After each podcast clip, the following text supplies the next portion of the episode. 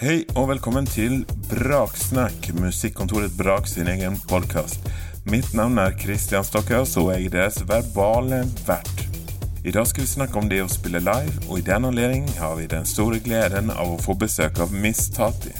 Miss Tati fikk sitt gjennombrudd når hun kom til Urørt-finalen i 2015, og har siden spilt på store og små konsert- og teaterscener og festivalscener over hele landet. Vi skal snakke om hennes reise og komme med tips om hvordan man kan jobbe med nervøsitet, tenke langsiktig og ta med publikum på en treretters middag. Velkommen til Braksnakk. Ok, velkommen Miss Tati til Braksnakk. Hei. Veldig kjekt å være her. Kjekt å ha deg her. I dag skal vi snakke om live, yeah. som eh, du er jo toppsjiktet av liveartister i Oh. vårt eh, langstrakte land. Det er bra at du syns det, at jeg er i toppsjiktet. Ja, det, det- det syns jeg. Kompliment. Takk. Begynne med en kompliment. Det funker bra. Nei, men det er helt sant. Ja, det skal pøse ut med alle hemmeligheter. Ja. Du, eh, når skjønte du først at du skulle stå på scenen? Jeg tror det startet når eh, jeg gjorde mitt første konsert eh, som soloartist eh, på Jazzbox eh, i mai i 2011, faktisk. Mm. Så skjønte jeg hvor kult det var å gjøre ting live med et band, da, i motsetning til å bare ha det på beats. Mm. Eh, og da fikk jeg liksom Den mestringsfølelsen av å gjøre den konserten, det gjorde at jeg ville gjøre mer av det. Det kickstartet det det ja, det kickstartet. Eller da tenkte jeg at ok, nå har jeg lyst til å satse Mm. på en solokarriere.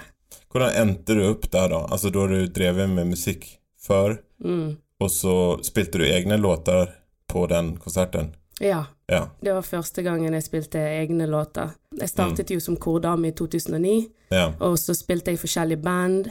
Fargenes Yacht-klubb var jo en av de Ja, ja. der vi gjorde masse coverlåter. Mm. um, eller så var jeg kordame for Moi, en artist. Var for, uh, gjorde noen studiooppdrag for KAK, Mm. og for Datarock og Superfamily og litt forskjellig, egentlig.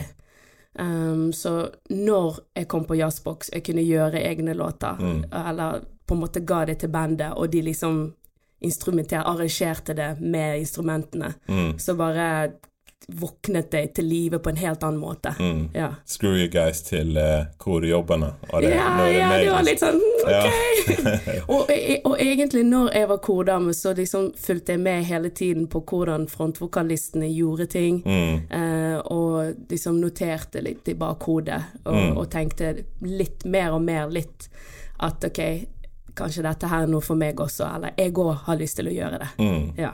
Altså, du fikk kjempegod erfaring med å stå på scenen, Mm. kunne liksom plukke opp triks, samtidig så ikke spotlighten var bare på deg, så du kunne liksom stå litt på sidelinjen og ta notater. Nemlig. Ja. Ja. det var akkurat sånn.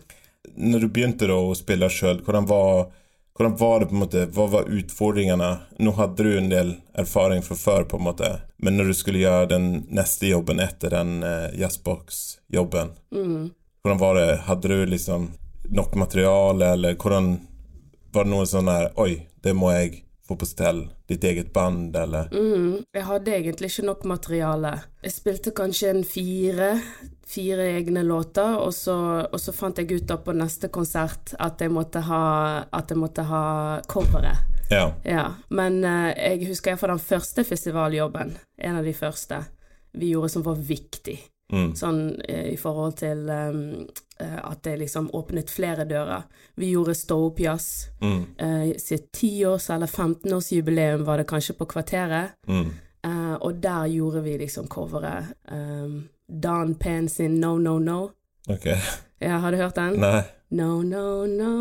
Ja, den, ja. Ja, Ja. ja, selvfølgelig. Ja. Ja, det er sånn uh, reggae-klassiker. Yeah, den, ja. den, den, den, ja, den, er kjempefin. den, Ja. Ja, ja, så det var gøy. Gjorde sånne ting. Og, og en liten sånn fun fact, da. ja. Eh, jeg så jo på Beyoncé sin eh, Beychella. ja. Har, har du sett den? Ja, ja. Konserten? Ja. Der har hun også gjort den. Jeg vet ikke om du fikk med deg? Nei. Hun har liksom strødd på Hun strø på liksom sånne Ja. gjenkjennelsesfaktorlåter. Ja. Så No No, Ja, No No No, først. det var en av dem. Så jeg tenkte yes! Great minds think alike. Hvordan er det for deg å se en så påkosta konsert? Blir du motivert, eller blir du sånn Åh, liksom. Super, supermotivert. Helt. Altså, hun er jo en av mine største inspirasjonskilder. ja. Mm. Jeg tror man må eh, også vite hva man sjøl er, Ja. og vite ok, jeg kan gjøre det, og så kan jeg la meg inspirere av det, på en måte. Mm. Altså bare den produksjonen med det store storbandet, altså de her uh, tromme... Helt, Sant? helt sinnssykt. Ja. Ja.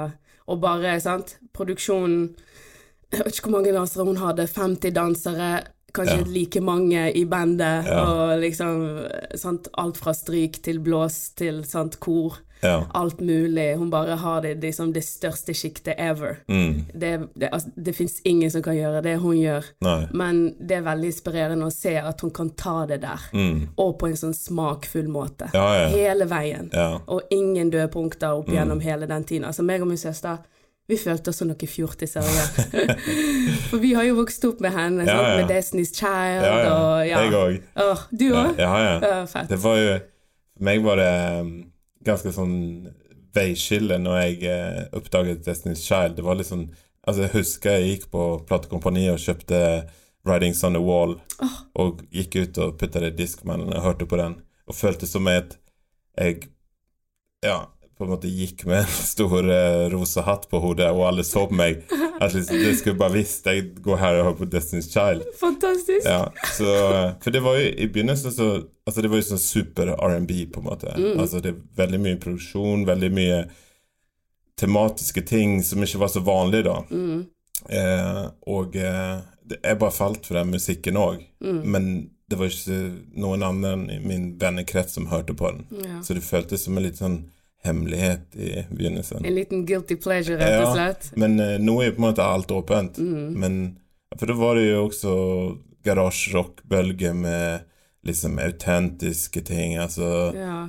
The Strokes, og det var liksom sånn trangdangere og på en Ja. måte sånn rølpete, og så kom Destiny Child og var sånn glam og liksom sånn Sant? kvinners rettigheter og attitude og alt sånt. Ja. Det var litt sånn t- tilvenning, men eh, Fett. ja. Du får- Bugaboo var Det var den som solgte meg. Ja, var det det? Ja, da, da var jeg bare helt sånn Jeg fikk frysninger når jeg så den første gang på MTV. Herlig. Ja. Du, nå får du ekstra eh, respekt og skryt i min, eh, i min bok, Christian. Ja, ja, det. Fantastisk å høre. Ja. ja, men det er kjekt. Eh, det må jo være inspirerende også og sånn, Så du har jo tiårsjubileum i år, da, skjønte jeg nå, i forhold til den konserten. Yeah. Men å holde at Som Beyoncé, da, som holder koken og bare leverer bedre og bedre ting, på en måte, over så lang tid. Mm. Det er sånn jeg også tenker at hun har inspirert meg, eh, og at jeg eh, former litt min karriere på samme måte som henne. Egentlig så former jeg det mest etter Lauren Hill, som er på en måte mitt største forbilde. Mm. Men sånn livemessig og karrieremessig så hadde det vært en drøm å liksom kunne holde på så lenge som, som Beyoncé og bare bli bedre og bedre. Mm. Sant? Og bare produsere og gjøre fete ting hele veien. Så må jeg bare si én ting Ja. angående det der med å oppdage, sant. Mm. Jeg husker da jeg var kid, eh, og når vi hørte da På is on the Wall av Destiny's Child, eller um, fanmail til TLC på den tiden, sant. 99, sånn 2000. Mm. Elia. Alia, åh, Ja. oh, Alia. Elia, Mm. ja, ja. Det, vi har faktisk snakket om det før, at uh, når man ikke har noen å snakke med visse artister om, så vet man ikke hvordan man uttaler deres navn. For man leser det bare. Ja, sant. Sant? Eh, Uttaler det sånn som man leser det. ja, og det det var jo Ariana Grande. Ja, altså Vi visste ikke om det var Ariana Grande, eller om det var Ariana Grande, eller Ja, ja. Altså, ja. Fortsett. Ja, for du og Sondre, hva var det dere Ja, endte opp på? Nei, vi eh, Jeg vet ikke hva vi landet på, men det er jo Grande hørte jeg et eller annet, men det ja. må være grande, eller grande, som de Ja. sier på amerikansk. Ja. Ja. Ja, for er det da den spanske versjonen eller den amerikansk-spanske uttalelsen? Mm. Altså sånn som de sier i USA? Ja, man blir aldri klok på det der. Nei. Men jeg, jeg har lest et sted at hun har en bakgrunn, liksom familien er italiensk, Å, ja. plutselig. sant? Ja. Så grande forbinder man ja. ja. sant? Ja. Grande Ja. eh, forbinder man med spansk, og så bruker de det i et, i et, i et italiensk sammenheng. ja. Så det er litt interessant. Det er interessant. Og så hørte jeg eh, Nå skal jeg ikke skeie helt ut her, men det her er ganske relevant. Eh, kanskje litt relevant. Em, Song Exploder, det er en sånn podkast der eh, artists pick, pick together how the song was made. Ah. Og der var jo eh, Girl in Red og med. Og Mathias har jo produsert den låten som de snakket om, Mathias Telles. Yeah. Og da uttaler de Mathias på en spesiell måte, Mathias, eller på en måte. Eh, og når hun, eh, Girl in Red, eh, Marie, uttalte han sitt navn, så gjorde hun det på den amerikanske måten. Mm. Istedenfor å si det på den norske måten. Interessant. Ja, så det, har, ja, Yeah. så det var liksom sånn Ok, sånn sier man navnet der, og da bruker hun også den måten. Yeah. Jeg ville jo sagt liksom Ja, og så And then we went uh, on tour with uh, Kjetil. Eller eh, ikke liksom ketchup eller noe sånt. Ja, det er det. Ja. Uh, heller, altså, jeg, jeg syns at man skal heller uttale det sånn som det er. Men er det kommet ut nå, den Song Ja, ja den, er- den er kommet ut. Det var veldig gøy. Og hun er så bra på engelsk. Ja, Altså, eller amerikansk, da. Hun snakker jo bare helt flyt, flytende amerikansk. fett. Ja. Oh, det må jeg sjekke ut. ja. Eh, det blir meta, som snakker om podkast i podkast. Men eh, Gode ting. Next level. ja. Men var du ferdig med din anekdote? Uh, nei, jeg var ikke Nei. helt ferdig. Okay. Fordi det jeg ville si, for jeg ville så, når du sa det der når du oppdaget Destiny's Child? Ja. så tenkte jeg når jeg oppdaget Destiny's Child og alle disse jentegruppene, så pleide meg og min søster, og for så vidt også med min kusine Sandra og andre venninner når vi hadde besøk hjemme, så, um, så pleide vi å gå inn i mammas skap. Og så tok vi på klærne hennes, og så eh, tok vi på en eller annen sang. Så først hadde vi catwalk, og så hadde vi sånn lip-sync Mm, performance. det var vår ting, liksom. Alltid når vi skulle ha fest hjemme. Ja. Eller eh, besøk av Ja. eh, venner og familie hjemme. Ja. Da måtte vi liksom kle oss opp. Og kanskje, og kanskje ta bilder, sant? hvis vi hadde en ekstra lekre antrekk og gjort et eller annet spesielt. ja. Så um, ikke bare, ikke bare er dette en anekdote, men det er litt for å gå tilbake til det du sa om hvordan det startet. Mm. Så hvis vi spoler helt tilbake Ja. til hvordan det startet var Den der det. frøen der ble Jeg tror den Ja. ble sådd litt, liksom. Dette her med å like å, å fremføre foran andre startet Mm. allerede der, som kid. ja. Ja. Så lek istedenfor at dere lekte at dere var eh, cowboy-indianer eller eh, et eller annet som blir sendt på TV, altså type krigere eller eh, Barbie eller eh, Mm. My Little Pony eller hva det nå skulle være, så lekte dere rett og slett artist. ja. Ja. Vi lekte det. ja. Ja, Som en slags superhelt. Det føltes jo litt sånn. ja det var det. At de var liksom superhelter. Mm, absolutt. eh, sånn perfekte i måten de bevegde seg og snakket på og så ut, og de kuleste klærne. Og Mm, det er liksom en forhøyning av en hverdag, da. mm, rett og slett. Ja. Også i tillegg så så de ut som, som meg. Og når jeg kom til Norge, så var jo det få, uh, få liksom innvandrere generelt i lille Bergen i 96. Ja. Så, eh, så da liksom når jeg kunne ta på MTV, og da så jeg heltinnene, sant. Ja. Da så jeg De ble jo forbilder med en gang, fordi jeg så på de, og jeg bare Wow, de ser ut som meg, og kanskje jeg også kan bli sånn. ja. Ja. Men klarte du å reflektere over det da? Eller var det sånn at du ble knytt til de uten at du helt visste hvordan først, på en måte?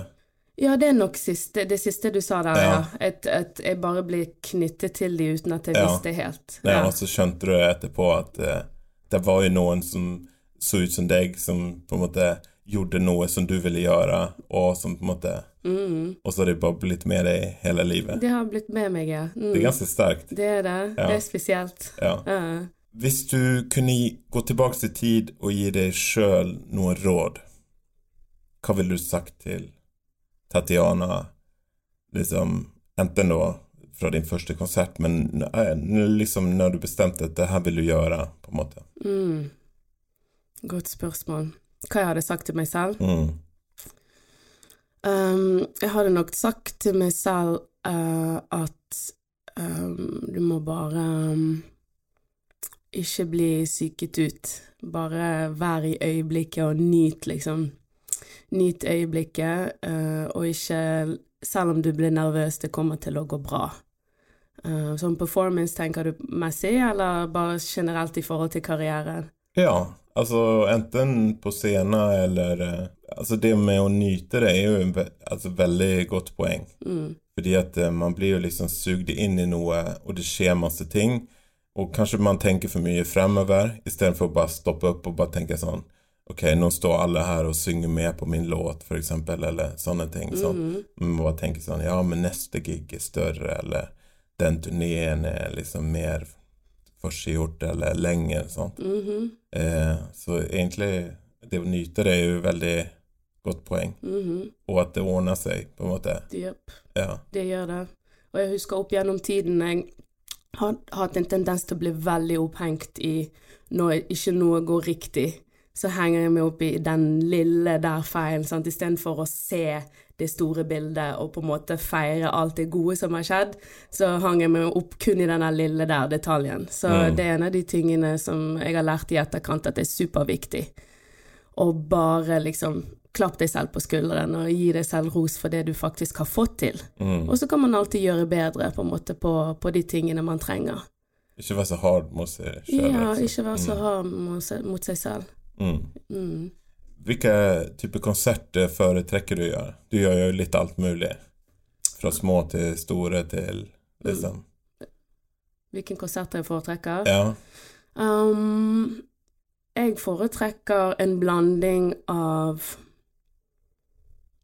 Ja, altså Jeg liker jo egentlig de der mellom Ikke, ikke altfor intimt, Mm. eh, og ikke stort, eh, men liksom der du har et sted mellom kanskje 100 og Ja, 100 er kanskje lite per i dag. 100 sittende. ja. Liksom, Eh. det nye standarden, liksom. 20 sittende. 20 føles som 200 nå Ja. i disse smitteverste. Ja, ja. Og, og 200 som var maks for noen måneder siden. Ja. Altså herlighet, det føles som å spille for 1000. Ja, ja. Hvis man kan spille for 200. Et folkehav. Um, jeg liker de mellomstore konsertene, liksom. Mm. Sånn at folk står og uh, Ja, der det er på en måte god nok liksom plass på scenen til at jeg kan ha med meg hele gjengen.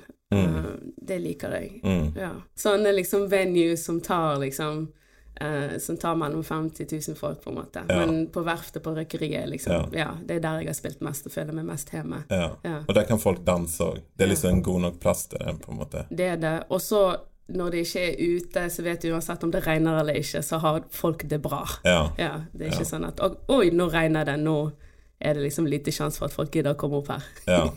ja, man må jo liksom slippe seg løs òg. Og hvis man er helt sånn stivfrossen og kald og våt, er det vanskelig å på en måte ja, gi seg hen til musikken. da. Det er det. Ja. det, er det. Jeg husker på Vinjerock. Vi hadde en ganske bra konsert egentlig på Vinjerock når vi spilte der Mm. første gangen, og selv om det var kaldt. Så er jo det der eh, Folk har jo så god stemning. Mm. Altså, der er jo folk høye på livet, sant, og Mm. naturen, og de er sånn der Um, adrenalin, sant. Kjører på med adrenalin ved de der aktivitetene som de gjør, som en frilufts... Kan man kalle det for friluftsfestival, tror du? Vi kaller det for frilufts... Nei. Du får ringe inn her og klage hvis ikke. Men iallfall supergod stemning. Ja. Folk hadde på seg allværsjakker, og selv om det var kaldt, jeg vet ikke hvor mange grader det var, Nei. kanskje fem grader, Ja. men folk hoppet og Ja. hoiet og ja, bare koste seg. Så Ja. i sånne settinger, da er det fett å gjøre festivaler ute. Ja. Altså, det har jo mye med publikum å gjøre. Alt med publikum å gjøre. Ja. Det er faktisk vanskelig, men det som er gøy å på en måte ha spilt gjennom opp gjennom årene, er jo å legge merke til hvor, liksom, hvilke steder der det er bra. Mm. Uh, og og uh, man kan gjerne komme tilbake en annen gang, og så hvis du får feil spot i anførselstegn, f.eks. For i forhold til tid. Mm. Spiller du for tidlig, folk kommer ikke fordi de er fortsatt De holder på fortsatt med det de gjør, de vorser i teltene sine. Da er ikke det mange som kommer ned eh, og, og har lyst til å se på konserten. I motsetning til hvis man spiller nest sist eller liksom langt inn i kvelden. Ja. Sånne ting. Det kan bli for seint òg noen ganger. Og det kan det bli. Ja, Enig. ja. Ja. Jeg husker en gang vi spilte på Ellevillefesten. Da var jo folk liksom gode i gassen Ja. eh, når vi spilte helt sist. Og da Mm. var det nesten sånn Da var det nesten sånn at folk ikke fulgte med. Mm. Eller når jeg så ute i publikum, så så jeg at folk ikke sant? Altså, de hadde hatt i seg Du var på en annen planet. Ja, det var bare Nei, nei, de, De var ikke på seg. Planet Mistati. Nei, de var, de var nok det, men de var på sin egen planet først og fremst. Ja. ja. Men det var gøy. Og det er sånne eh, erfaringer man får, sant. Eh, Så når det var den Elleville-festen, da var det gøy, for da var det mm, noen eh, tøffe gutter som ikke dansa til vanlig. Mm. Og etter konserten, etter at vi var ferdig med å spille, Mm. så sa de liksom, en av de sa at ja, jeg liksom rocket litt på dansefoten og Ja. var liksom med Ja. på konserten. Jeg fikk nesten lyst til å danse, ja. og da var det en liten sånn. Yes, Det var bra. I made it. Ja. ja, men det er små Man kan ikke Altså, man tenker Ja, hva hvis jeg hadde spilt for dobbelt så mange folk? Hadde det vært mer minneverdig? Men det er egentlig ikke de tingene som gjør det minneverdig. Det er sånne små ting. Noe som skjer. Om det er en lek backstage, eller hvis det er et eller annet som du ser når du står på scenen, eller en impro, eller Det er helt umulig å vite liksom når denne eh, øyeblikket kommer, da, som er minneverdig, på en måte. Eh, det virker som du har funnet på en måte det som er unikt med deg, og så på en måte kjøre det ut. Dine røtter, dansing, den gleden, spillegleden du har på en måte Har du liksom skjønt 'det her er meg', og så prøver du å forsterke det og få det enda tydeligere ut Mm. på scenen? Ja. Ja, ubevisst så har jeg på en måte tenkt ok, dette her er meg, dette er min smak, min stil, og så forsterker jeg det når, når det kommer på scenen, ja. Mm, Uh, og en del av meg er Jeg startet jo som danser mm, før jeg begynte som, som sanger. Så eh, det er naturlig for meg å danse på scenen, for eksempel. mm, Um, og den smaken jeg har, lyttesmaken jeg har hatt opp gjennom årene, har jeg tatt med meg inn når jeg skriver låter. Og da blir det naturligvis også det jeg serverer mm, når, eh, når jeg spiller. Så når jeg, altså for eksempel, eh, platen min er jo en blanding av R&B, av soul, av hiphop, av eh, til og med house, for jeg Mm. elsker jo house. Mm. Og så er jeg DJ i tillegg, så jeg Mm. elsker jo, ja, elsker housemusikk. mm, Eh, litt jazz, litt Mm. funk, liksom alle denne en sånn god eklektisk miks av, Mm. av musikk som jeg digger å høre på. Ja, Det som du på en måte sugd til deg i løpet av livet ja så langt. Ja. rett og slett. Du har jo et utrolig bra band. Et teit eh, gjeng med spilleglade mennesker som du drar med deg rundt om på konsertene. Mm. Hvordan kom dere sammen? Egentlig de som jeg har spilt lengst med i bandet, er jo eh, eh, min bestevenninne Irem, og så eh, trommisen min Ivar. Eh, Ivar Tormotsæter heter han, og Mm. Irem Moftuolo. Det var kanskje i 2011 eh, vi Altså i 2011, selv om jeg begynte med noen andre musikere, så skjer jo det når man på en måte man jobber med frilansmusikere, at ikke alle kan være med. Mm. Uh, men det var kanskje fra 2015 at liksom gjengen satt, liksom kjernen satt, Mm. med Ivar, med Irem, og så uh, hadde jeg med min søster plutselig. Hun kom med i 2014. Liliana. Sånn, Liliana, Ja. riktig. Ja. Hun kom med etter Nattjazzfestivalen som vi gjorde. Mm. Um, og så har jeg med Chris Holm på Mm. bass, han spiller også gitar. Ja. Og så Eirik Blåstenes på synter. Mm. Så uh, det er på en måte den liksom gjengen jeg The usual suspects. Yes. Og så noen ganger så adder jeg eh, ekstra, eksempel en ekstra gitarist, eller um, Jeg husker før, når jeg begynte helt i begynnelsen, i 2011, kanskje 12-13, Mm. da eksperimenterte jeg med å ha to blåsere, så det var ikke måte på. Men liksom kjernen og eh, liksom verdens eh, beste gjeng, det, det er de eh, seks. Mm. De fem, mener jeg. så um, så uh, med, med, med Ivar, med Chris og med, med Eirik, så uh, gikk vi på studio, gjorde ferdig platen. Um, etter at vi hadde spilt sammen da, dette var i 2015, så spilte vi ferdig platen i 2016 rundt om der, og så ga jeg ut debutplaten i 2017. Mm. Uh, og jeg gir de på en måte eh, Jeg gir de et ut, utgangspunkt, da. Sammen med Ivar så har hun produsert noen av låtene, uh, eller de fleste låtene i platen, og så har de liksom de tre sammen de hjelper meg å liksom utvikle og arrangere. Sant? Jeg kommer gjerne med en, en, skisse. Hvis jeg har kommet med en skisse til Ivar, så har han arrangert det, og så viser han det til, til guttene, og så når vi spiller sammen og de jammer, så klarer vi å lage liksom et lydbilde som helt Som plutselig blir helt annerledes fra det det var i begynnelsen. Jeg elsker å gi de frihet til å liksom uttrykke hvem de er når mm. de spiller. Ja, for på noen soloartister eh, så er det jo sånn at de går i studio og lager musikk, og så kommer bandet inn i ettertid, på en måte, og skal mm. fremføre den musikken som er produsert kanskje av noen som ikke er med i bandet. Mm. Men her er det på en måte Her går det i ett, på en måte. Det går, ja. Det går ja. i ett. Uh, mm. Og det er det som har vært gøy, for låtene på en måte som startet som beats, mm. har blitt noe helt annet. Mm. Ja, noe, som, som ferdig produkt. I liveshowen så er det på en måte breakdowns, eller f.eks. klapping, altså sånn call response med publikum, publikum og sånn. Mm. Um, at de er liksom De føles like mye som på en måte en live eh, livelåter som på en måte studio låter. Ja. ja. Kult å høre. Det er ja. bra. Da ser du hvordan det er resultatet av det. Ja. Mm.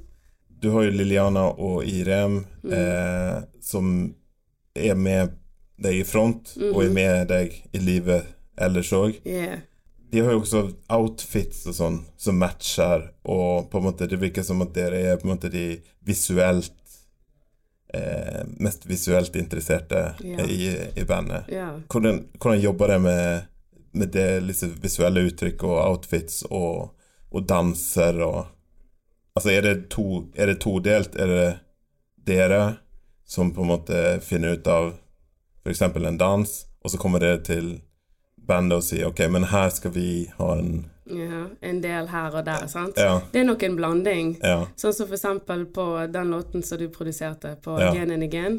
Da um, hadde vi um, Der var det den bolken, den instrumentalbolken, sant som kommer, slags bro. sant? Ja, ja. Uh, uh, uh, denne delen ja. der, sant? og så blir det en instrumental break. Og da tenkte jeg OK, her skjer det noe.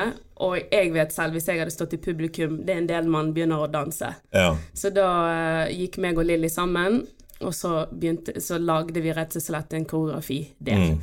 Uh, og det var veldig inspirert av Beyoncé og Solange. Mm. Um, jeg vet ikke om du har sett um, Det var en konsert der Solange inviterte Beyoncé til å komme. Uh, det var kanskje Coachella en gang for lenge siden. Mm. Og det var så sjarmerende å se to søstre danse. Ja. Uh, og vi bare Hei, vi er også to søstre. OK, let's do this. Ja. så da gjorde vi liksom noe, noe lignende da på den, på den bolken der. Ja. Uh, der vi to danser. Og ellers sånn i forhold til um, Sånn som du nevnte, um, outfits. Mm.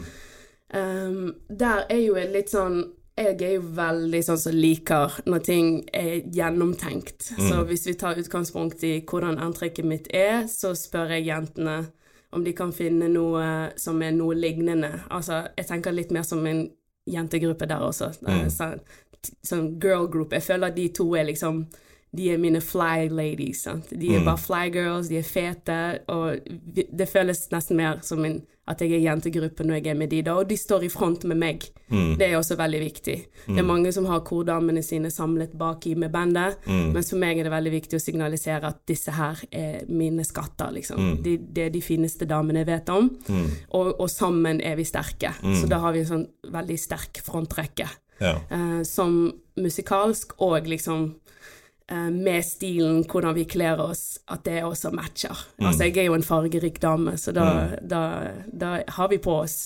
fargerike antrekk og, og matcher litt hverandre. Mm. Enten er det uh, fargekode, sant? at vi har lignende. Hvis jeg har i gul, så har de noe i gult. Um, eller en detalj, eksempel, som, som, jeg har på meg i antrekket. Uh, eller så kjører vi Sånn som jeg har jo dette prosjektet Eyemba, mm. som er barneprosjekt. Jeg gjorde et bestillingsverk i Bajas. Mm. Eh, festivalen. Det var et tiårsjubileum i fjor de mm. hadde. Og da var jeg veldig sånn OK, vi må, dere må ha like antrekk, vi må ha noe som ligner. Mm. Og så gikk vi for Jeg diskuterte med Irem, og hun sa mm. hva, hva syns du om pastellfarge? Fordi hun så at Renate, som lagde illustrasjonene mm. til uh, forestillingen, hun hadde veldig mye pastell. Mm. Så da gikk vi inn for at ok, ja, vi må ha noe antrekk som eh, tar fra det. Ja. Uh, og da stakk Iram og Lilly, fant liksom noen antrekk som er all, alle dette her i lilla. Ja. Eh, og så hadde jeg allerede en sånn der jumpsuit uh, eh, som var i, i en lignende pastellfarge også. Og så ble det sånn. på en ja. måte. Så det, det er ikke tilfeldig, men det kommer sammen på en litt sånn ja, løs måte, da. Ja. Ja. Mm. Så det er ikke sånn at ja, nå skal vi ha team-meeting om eh, det visuelle outfitsen. Ja, ja, nå hyrer vi inn eller annen sånn. Eller en big shot fra, fra en stor produksjon. Nei da, vi gjør Nei. det veldig do it yourself. Ja. Mm. Kult. Eh, jeg må jo bare si eh, Solange, og kjenner du til Dev Hines? Yeah. Ja. Vet du hva de to har til felles? Hva har de til felles? Foruten at de har jobba sammen og produsert og sånn. Ja. Begge to har spist opp eh, soundchecken til mitt band. Er det sant? Ja. Vi har stått og venta på begge to på to forskjellige anledninger. Ah, er, det, er det sant? Ja. Når var det, da? Det første gangen jeg var på en turné i England, da var ikke det var ikke Blood Orange, men Ja. det var det prosjektet som han hadde før det. Ja. Var det med ungdomsskolen? Ja, Ja. Og da eh, Da var det oh, Sorry guys, I just have to try some more. Eh, og vi var sånn ja, Vi Åh. visste ikke hvem det var. Vi var dritirriterte på han. Lett deg, liksom. um, og med Solange så var det i eh, eh, South by Southwest. Så da sto vi på gulvet, og hun bare sånn Ja, ja, jeg ser at det står noen der, men jeg skal ta min soundcheck. og da var jo før hun på en måte gikk tilbake til røttene. Så hun var jo kliss lik Beyoncé. ja. Jeg husker du den perioden? Jeg husker den St. Angels, var ikke det Solange and the St. Angels? Ja, sikkert. sikkert. Ja. Ja, lyst hår og Altså, det var som å stå og se på Beyoncé i rommet, på en måte. For de var ganske like da. ja. Uh, altså, da hun spiste jo sikkert opp uh, over halve eh, vår lydprøve. Wow. Nå er det jo bare gøy, men Ja. der og da så var det bare sånn ah, Kom igjen. Å, så artig. Ja, det er, litt, det er litt sykt. Og at de senere skulle jobbe sammen Ja. og på en måte lage eh, fantastiske låter og Og album Ja, og album. Ja. Eller for han var med på det med 'Losing You' Ja, alle disse Losing You. Altså, det var jo da jeg fikk øynene opp for han, Ja. og egentlig for hun òg, på en måte. Ja. For hun, da skilte hun seg så mye ut. Mm. Ja. Enig. Samme her. ja. Ja. Ehm, Å, så kult. Det var en det, eh, bra fun fact. ja, det var fun. Altså, vi får, vi får lov ta én fun fact hver, tenker jeg. um, vi, jeg tenkte nå Du nevnte Ayemba, og, og du har jo Miss Tati, eh, Angola 70. Yep. Eh, du har vært med i Fargespill, skuespiller på DNS. Mhm. Eh, hva er forskjellen mellom det å stå på scenen og det å eh, Liksom som din egen person eller et eget prosjekt, og det å jobbe med manus? Uh, jeg liker det veldig godt. Ja. jeg merker jo det mm, at det er litt sånn Det er rammeverk. Det er veldig deilig å forholde seg til rammeverk, Ja. istedenfor bare prøve å ta det litt sånn på gefühlen. Mm, Um, så jeg syns det har vært kjempekjekt Ja. uh, med å lage noe, liksom. mm, Sitte sammen med gjengen og så finne ut av hva er det vi formidler. mm, Spesielt med Iyemba. Mm. Uh, der er jo det veldig manusfokusert. Mm. Fordi jeg lagde låter, uh, utviklet det sammen med bandet, og så satte jeg meg ned med, med Irem, som, eh, var, som eh, var prosjektleder når vi gjorde det på Bajas. mm, Uh, og så uh, manageren min, Ingrid, mm, hun var regissør, så da vi tre på en måte utviklet hvordan Ok, hva er det jeg vil fram, liksom? Hva, hva, hva er te temaet i låtene, Mm. og hva er det naturlig for meg å si mellom disse låtene? Så det var veldig gøy å liksom tenke Mm. og utvikle manus på en helt annen måte enn jeg bare liksom ta det på gefühl når du står og ser på publikum Ja, ja. og liksom ja. ja, komme ut med et eller annet Mm, naturlig. Så da var det veldig gøy å, å gjøre liksom en settliste i forhold til det, mm, og tenke hvilken historie skal vi fortelle. mm, Eyemba betyr jo blokk mm, på umbondo, som er som er eh, jeg si, morsmålet til, min, eh, til mine foreldre. mm, Så det er sånn tradisjonell språk um, i Angola. Du har to store, da. Umbondo og så Kimbundo. Så eh, i denne blokken skal vi liksom introdusere hvem vi er, og så skal vi introdusere tematikker, og så liksom legge inn sånn stikk i forhold til hva har du lyst til å si gjennom der. Så det har vært veldig gøy å tenke sånn. Ja. Og det, ja. det handler om din oppvekst, sant? Ja, det handler om min oppvekst, Mm. og til dels det vi har til felles når man på en måte vokser opp i en blokk, eller hva det måtte være. At man liksom føler seg annerledes, og dette her med tilhørighet, og hva er det som vi har til felles, Mm. og hva er det som gjør oss forskjellige. Mm. Eh, også alt fra å bråke og trampe, og ikke synes det er gøy. Mm. Um, eller ikke, ikke at naboen under ikke synes Ja. at det er noe Ja, gøy. Alltid kjekkest å være den som er oppe og kan nå var trampe. det, nå var Destiny's Child-konsert over etasje igjen, liksom. Men, og det er jo på en måte en du har vokst opp med i Rem, Ja. og, og, og sant med din søster var jo med i, i det Ayemba òg. Mhm. Sånn at eh, det er ganske spesielt at dere plutselig står på scenen og forteller den historien. Ja, det Som- er det. Og når dere var små, så var det jo på en måte bare livet. sant? Mm. Men at det har en verdi som på en måte kan inspirere, og at du kan vise fram noe så naturlig, da. Det er det. det er det. Og jeg må bare korrigere. Meg og Irem er er ikke vokst opp sammen på den måten der. Okay. Vi traff hverandre når vi begynte å kore. Okay. Ja, så okay. ja, sånn Men dere ikke kunne gjort det. men, men det vi sier på blokken, er at vi traff hverandre i blokken, så folk vet ikke når vi traff hverandre. Nei, det høres ut som vi har vokst opp sammen. Ja. Det er litt sånn Hollywood magic. It is, though. Det er litt sånn hm, Det du ikke vet, det, Ja, det skader ikke. Da blir jeg rett og slett lurt av min egen research. Ja. Men det som er greien, er at det føles som Vi har en vennskap der det føles som at vi har vært venner siden vi var små. Ja. Så det er en sånn sterk vennskap vi har. ja. Ja, men det som forente oss sammen, var faktisk musikken. Og det at vi begynte å synge sammen. Så det snakker vi om på den forestillingen, at vi satt i stuen, nei, på kjøkkenet og, og sang låter sammen. Og, um, ja, og har bare opp gjennom årene reist mye og opplevd masse forskjellig. Så Mm. ja. Hvordan jobber du med eventuell nervøsitet? Det, nervøsitet, Ja. det er et eget kapittel. ja. Du blir nervøs? Ja, jeg blir veldig Ja. nervøs. Jeg husker første gang jeg jobbet uh, konkret med nervøsitet, for jeg slet veldig mye når jeg begynte å synge. Ja. Eh, jeg gikk vel på kulturskolen i kanskje fem år. ja. Og så tenkte jeg, etter jeg var ferdig der, at jeg trengte en ny utfordring. Mm. Og da gikk jeg og tok et AKS-kurs, sangkurs, med Kim Fairchild. Ja. Så da spurte jeg henne konkret jeg sånn, hva skal jeg gjøre med Mm. nervøsitet? Jeg jeg skjelver, jeg vet ikke hva jeg skal gjøre, liksom, hvordan kan jeg bli kvitt nervøsitet? Mm. Uh, og da sa hun at uh, du, du må rett og slett bare komme deg ut. Du må bare spille, spille så mye som du kan. Mm. Du må dumme deg ut. Du må bare komme ut av komfortsonen. Du må rett, rett og slett drite deg ut, sa hun. Mm. Uh, og bare spille, gå på audition. Spill, spill, spill, spill, spill. Så Mm. mye som du kan. Og så, etter at jeg liksom klarte å samle litt mot, Mm. så, så tenkte jeg OK, eh, da kom jeg ut, så jeg rundt hva de hadde. Da hadde de jams.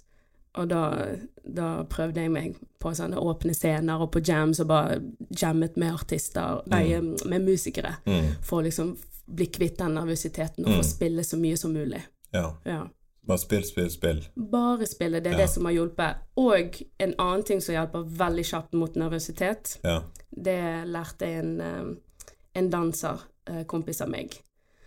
Han sa bli nervøs. Du må si til deg selv bli nervøs. Så hvis du sier høyt 'bli nervøs' Ja. til deg selv, så blir ikke du nervøs. Okay. Så hvis jeg sier til deg 'bli nervøs', Ja. sant? Ja nå ble jeg ikke du blir nervøs. ikke nervøs. Eller hvis du sier det høyt 'bli Ja. nervøs', Blir nervøs. bli nervøs. Bli nervøs. Er du nervøs? Nei. Ja. Jeg skjønner. En slags omvendt psykologi. Omvendt psykologi. Ja, ja. liksom sånn, du får fem kroner hvis du hikker en gang til. Da, blir, da er det vanskelig å hikke. Ikke sant? Ja. Ja, blir man uh, Ja. Ja. Strekke ut, føler jeg også. ja. Kan hjelpe. Okay. Ja, Det er jo liksom spenning i kroppen. Og så fokuserer man på noe som er liksom ikke er mentalt, men det er bare sånn kroppslig. OK, nå kjenner jeg at det strekker i låret, eller nå kjenner jeg på en måte Man, man glemmer bort liksom hodet litt, da. Mm. Ja, og være til stede, sant. Det Mm. du sier, da er man mer til stede i kroppen. Mm. For man har jo en tendens til å, på grunn av nervøsitet, så tankene løper jo Mm. løpsk. Mm. Og så klarer ikke man å være til stede uh, og tenke klart. Nei. Ja. Og så kan man jo bruke den nervøsiteten som en energi, da. Mm. Eh, at man ikke nødvendigvis skal jobbe så mye mot den. Ja. At man ikke skal presse den ned, på en måte. Ja. For hvis du ikke er nervøs, så betyr det kanskje ikke så mye for deg å gjøre det. Mm. Enig, helt enig. Man trenger jo de der nervene for å gjøre en god jobb. Mm. Når man har nerver, så betyr det egentlig bare at man vil at det skal gå bra. Mm. Så hvis ikke du har litt nervøsitet, så er ikke det bra, egentlig. Ja, Man må ha altså litt, på en måte. Ja, litt. Hvis du tenker en jobbintervju, da. Hvis du skal gå på to jobbintervju, så er det jo den jobbintervjuen der du er mest nervøs. Det er jo den jobben du har mest lyst på. Mm, Sant? det det. På scenen så framstår du ekstremt selvsikker, og noen ganger har du pels og solbriller, og det er på en måte Altså Hvis jeg hadde stått og sett deg spille konsert, så hadde jeg ikke tenkt sånn Ja, hun var sikkert nervøs backstage, sant. Mm. Eh, er det noe Er det deilig å kunne gjøre det? Altså ta på seg en liksom, rolle, eller være litt sånn Altså det liksom gå Mm. så breie alt ut og si sånn OK, her kommer jeg, på en måte. Ja, definitivt. Må det nesten. Ja. Ha en liten sånn um, Hva skal man kalle det for? Nesten en alter ego. Fordi jeg som Tati, jeg er jo veldig sånn forsiktig og litt sånn en, en litt sjenert ekstrovert, liker jeg å kalle meg selv for. Så um, når jeg er på scenen, så må alt det der sjenerte, det må gå vekk. For Mm. du er der for å liksom Du er der for å levere og gi liksom en følelse, da. Uh, så det har hjulpet veldig med liksom pels, med solbriller. Iallfall hvis jeg rapper, så vet jeg at ok, da er det ekstra gøy å, å kunne ta på seg en sånn herre eh, Ikke persona, men bare være tøff. Liksom komme inn. Come in with a bang, liksom. Eh, så ikke få folk til å tvile et sekund på hvorfor du Hvorfor vi er der, liksom. Hvorfor jeg er der. Og jeg er liksom Jeg er her for, for å gi liksom en, en god opplevelse med gjengen. Med gjengen min. Det er liksom min og min gjeng. Mm. Meg og min gjeng. eh, type stemning. Mm. Så hva er den største forskjellen, tenker du, mellom mistati Miss Tati på scenen og på en måte deg som privatperson? Den største forskjellen mellom meg eh, på scenen og som privatperson, det er jo at jeg er veldig breal. Jeg er her, jeg er, jeg er liksom confident, jeg har selvsikker på. Eh, og mens hjemme så er jeg litt mer tilbakeholden, rolig. Eh, men den røde tråden er at jeg er kul uansett liksom hvor jeg er. Jeg bare er meg selv eh, og ja, bare sprer gode vibber, på en måte. Enten jeg står på scenen, eller jeg er for meg selv med venner og familie. Uh, at det er en sånn rød tråd der. Mm. Uh, men, men det er veldig forsterket når jeg står på scenen. Det er nesten en sånn, ja litt, Nesten en liten alter ego Mm. som kommer ut der. Ja. Ja. Det handler jo også om å eh, være noe som er mer ekstravagant og mer spennende enn de som står i publikum, føler at de er del av. Altså, de, de må jo se til noen som de føler Oi, hun tør å gjøre noe som ikke jeg tør å gjøre. Mm, Sånn? det er nettopp det. Mm. For det var jo også sånn jeg opplevde når jeg så på mine heltinner. sant? Wow, sant? Du ser på disse musikkvideoene, alt er så flott, de ser bra ut, de er koordinerte med dansesteg og alle sånne ting. sant? Så det er en, et slags univers man lager, der folk blir um, uh, sugd inn. Mm. Ja. Og de glemmer sine egne problemer eller Ja. sin egen hverdag litt, sånt. ja, Drømme seg litt vekk. nettopp. Det er det det er. Eh, Escapism på sitt beste. ja, rett og slett. Ja. Du er veldig flink å få med deg publikum. Eh, men hva tenker du Altså, du kommer ut på scenen, og så ser du her er det en slapp gjeng, på en måte. Her må det jobbes, på en måte. Mm. Hva tenker du da? Jeg prøver jo, hvis jeg ser at de er slapp, ehm, så sier vi den der vanlige Er det noe stemning her, eller? Nei, vi er slappe. det er jo den største frykten. Ja. Når man liksom sier noe, så bare Ja. Håper ikke det kommer altfor ærlig. Heldigvis er jo folk um, De er jo høflige, Mm. sant. Og allerede når du står på scenen, så har man klart noe som er vanskelig. Så da har folk en, en litt mer respekt, da. Mm. Um, og med voksne sånn generelt, så er jo de veldig greie. Men hvis du spiller for barn, det er en annen sak. For der er de ærlige. Hvis ikke de liker musikken, da får du med en gang beskjed. Da slutter de å høre, de begynner å leke, eller hva det måtte være. da. Uh, men jeg prøver på en måte å tenke litt sånn at når publikum er på konsert, Så eh, på en konsert med meg, eh, så er de på en måte Jeg byr de på, med, på middagsbesøk. Mm. Så eh, her skal de liksom få dessert, og så skal de få hovedrett, og så skal de få Nei, hva var det jeg sa først? Dessert? Du begynte med dessert. Det kan være, det kan være, det kan være gøy, det. Jeg tenkte forrett, Ja, og så sa jeg dessert. Ja, ja, ja. Så desserten kommer sist. Så først får de forrett, ja.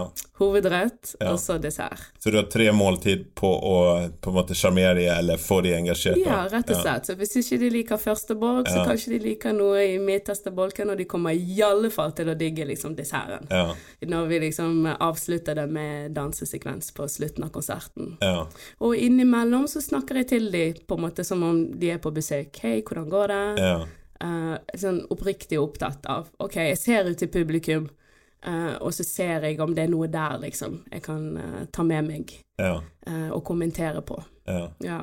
Er det sånn, Liker du litt utfordringen? Kan du tenke sånn Bare vent, i siste nummer så har jeg dere i min hule hånd. Yes. Ja. og som oftest, så dette her som du nevnte, sant, det at jeg, jeg har på um, I begynnelsen av de forrige konsertene mine, når jeg kom ut med solbriller og pels, Mm. det pleier å være en liten sånn herre En sånn her god, uh, god eh, oppskrift på liksom Wow, gi folk litt sånn bakoversveis. Ja, Hvem er det? Hvem er hun, eller? Ja. Hva er det som skjer her, liksom? ja, Her i Norge så skal man helst være sånn janteloven. Mm. Vi skal ikke gjøre for mye av oss selv. Vi skal ikke tro vi er noe. Mm. Uh, så det at man kan komme ut og så si at bam, her kommer jeg, liksom. Mm. Det kan hjelpe litt, da, til, Mm. for, til å få folk til å mm, eh, slappe av. mm. Og så kan de være med videre, liksom, på den musikalske reisen. ja. Ja. Ja, for der kan du stå på scenen med solbriller og pels og bare rocke ut, og så står det folk i publikum som er Altså folk er selvbevisste tross om de står i et hav med 3000 mennesker. Mm.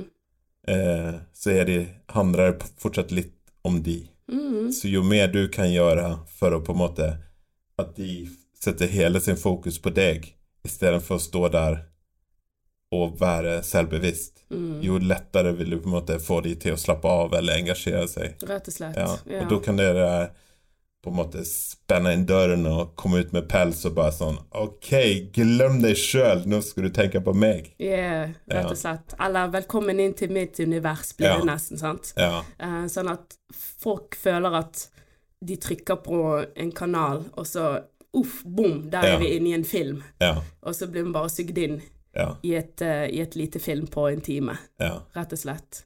Og så innimellom, da. Nå, må, nå føler jeg at dette her er oppbrukt med å gå med pels og solbriller, Mm. så det har jeg sluttet med.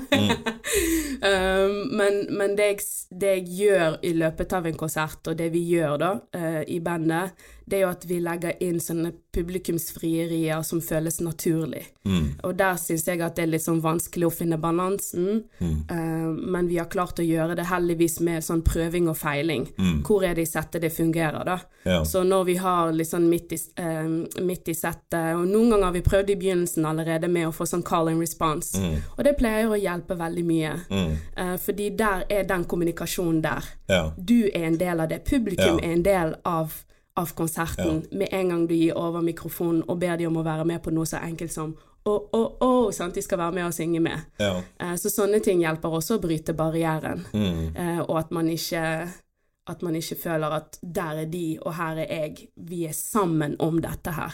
Så det er jeg veldig opptatt av i konserter. Mm. Ja. Også klapping og ja. Ja, ja. Det hele. ja. Ja. Ehm, hva har dere på uh, rideren? Hva vi har på raider? um, det vi vanligvis har, er jo uh, Bare for å sjekke at vi får med tingene på raider, Ja. så har vi lagt inn eksempel um, eh, allergimedisin, Ja. siden jeg har støvallergi. Ja. Eh, og så et postkort. Ja. Uh, når min mor bodde i Portugal, så sendte jeg alltid postkort. Ah. Så på alle de stedene vi var, så skrev da uh, skrev jeg postkort og sendte til mamma. Og når hun kom til Norge, da sender vi det til bestemor istedenfor. Ok, Ja. Mm. Det er en veldig gøy måte å på et eller annet tidspunkt å kunne se tilbake sant? fra backstagen. En liten sånn hilsen. Sant? Så når du leser de igjen, Mm. hva du har skrevet, så kan du på en måte få en bedre. Det blir som en dagbok nesten. Det blir det. Ja. det blir, kan man følge med på hvor man har vært opp gjennom tiden. Er det noe annet dere har på, måte, på Rider som er liksom spesifikt for dere, eller er det Det er jo det vanlige. sånn Vann og drikke og Ja. drikke, si. Så man kan feire litt. Det er jo alltid litt bobler og litt vin og øl. Ja. Um, vi har jo uh, Håndkle er viktig å ha, Sykt viktig. sant? Freshe håndklær. Freshe Kom- håndkle helst. Kommer backstage og så bare tørker svetten med et håndkle som lukter vondt. Det er ikke noe særlig. ikke noe En annen ting, mørke håndklær, iallfall ja. for oss jenter som går med sminke. Ja. Det er en, en av de tingene jeg har lært opp gjennom tiden. Ja. det er litt greit å ha. Ja. Um, og um, litt sånn snacks, sunne snacks. Ja. Eh, før var jo det liksom Standard er jo gjerne at man får noe chips eller Ja. noe snop. Ja. Men for meg er det viktig å spise sunt. Så Ja. å ha litt sånn uh, nøtter og grønnsaker, Ja. for eksempel. Um, og litt brødmat hvis, hvis man har en sånn lang mellom eh, lydsjekk og, og konsert, at man får brødmat. Ja. F.eks. for eksempel på lydsjekken, for man kommer gjerne fra en reise. Ja. Og så eh, heldigvis Jeg elsker verskap på festivaler og venue, sant. For da Mm. får man middag, Ja. og ja. Det er liksom Ja. Det er sånne ting. ja. Ja. Eh, hvordan varmer du opp for en gig? Vi har snakket litt om det mentale på en måte i forhold til eh, nervøsitet og sånn, men eh, har du noen eh, lokal eh, oppvarming, eksempel? Mm. Ja. Jeg har eh, Jeg går gjennom den oppvarmings... Den gamle skalaøvelser og brrr, den type stil, ja. Ja.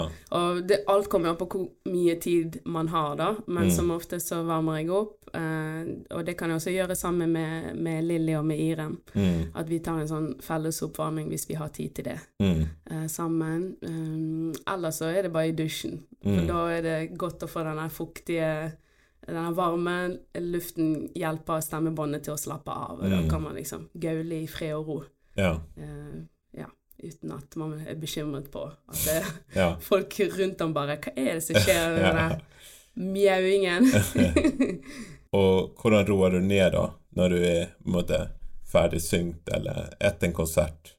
Hva er det viktig Altså, du, det kan jo være fest noen ganger, men er det andre må måter du Hvis du er på tur- turné, da, for eksempel, så er det kanskje fire gigger på rad, eller fem, sant? mm, Og da blir det jo jo vanskelig å være oppe sent på natten. mm, Men du har jo adrenalinet gående fra konserten og sånn. mm. Har du noen god, et godt tips om hvordan man liksom kan roe ned? Roe ned, ja. Ja. Ja, um, jeg jobber fortsatt med det, egentlig. Fordi det er jo en sånn ukultur sant, med at man når man er ferdig på gig, så «Wahey, skal vi Mm. liksom feire og, og drikke, for det føles som en helg, og det er helgestemning. Mm. Men når det har vært liksom ehm, konsert etter konsert, da lærte jeg liksom at ok, her må man bare Ja, altså, jeg, jeg har gjort alt fra å bare um, gå en lang tur rundt, liksom, eh, og bare bli liksom naturlig sliten. Jeg har prøvd litt sånne yoga-pusteøvelser bare for å liksom ro ned og komme litt mer tilbake til kroppen, da. Mm. Eh, eller danse det vekk. Mm. Konserten er ferdig, sette på musikk og bare prøve å danse vekk den energien, da. Mm. Um, men um, nå har jo vi hatt på, på DNS, for eksempel, eh, som eh, jeg, jeg tok med Jemba-konseptet og gjorde, uh, utviklet det sammen med DNS. Mm. Uh, og så hadde vi en premiere i januar, og holdt på helt til februar. Uh, og da spilte vi sånn, hver dag. Mm. Um, ja, seks dager i uken.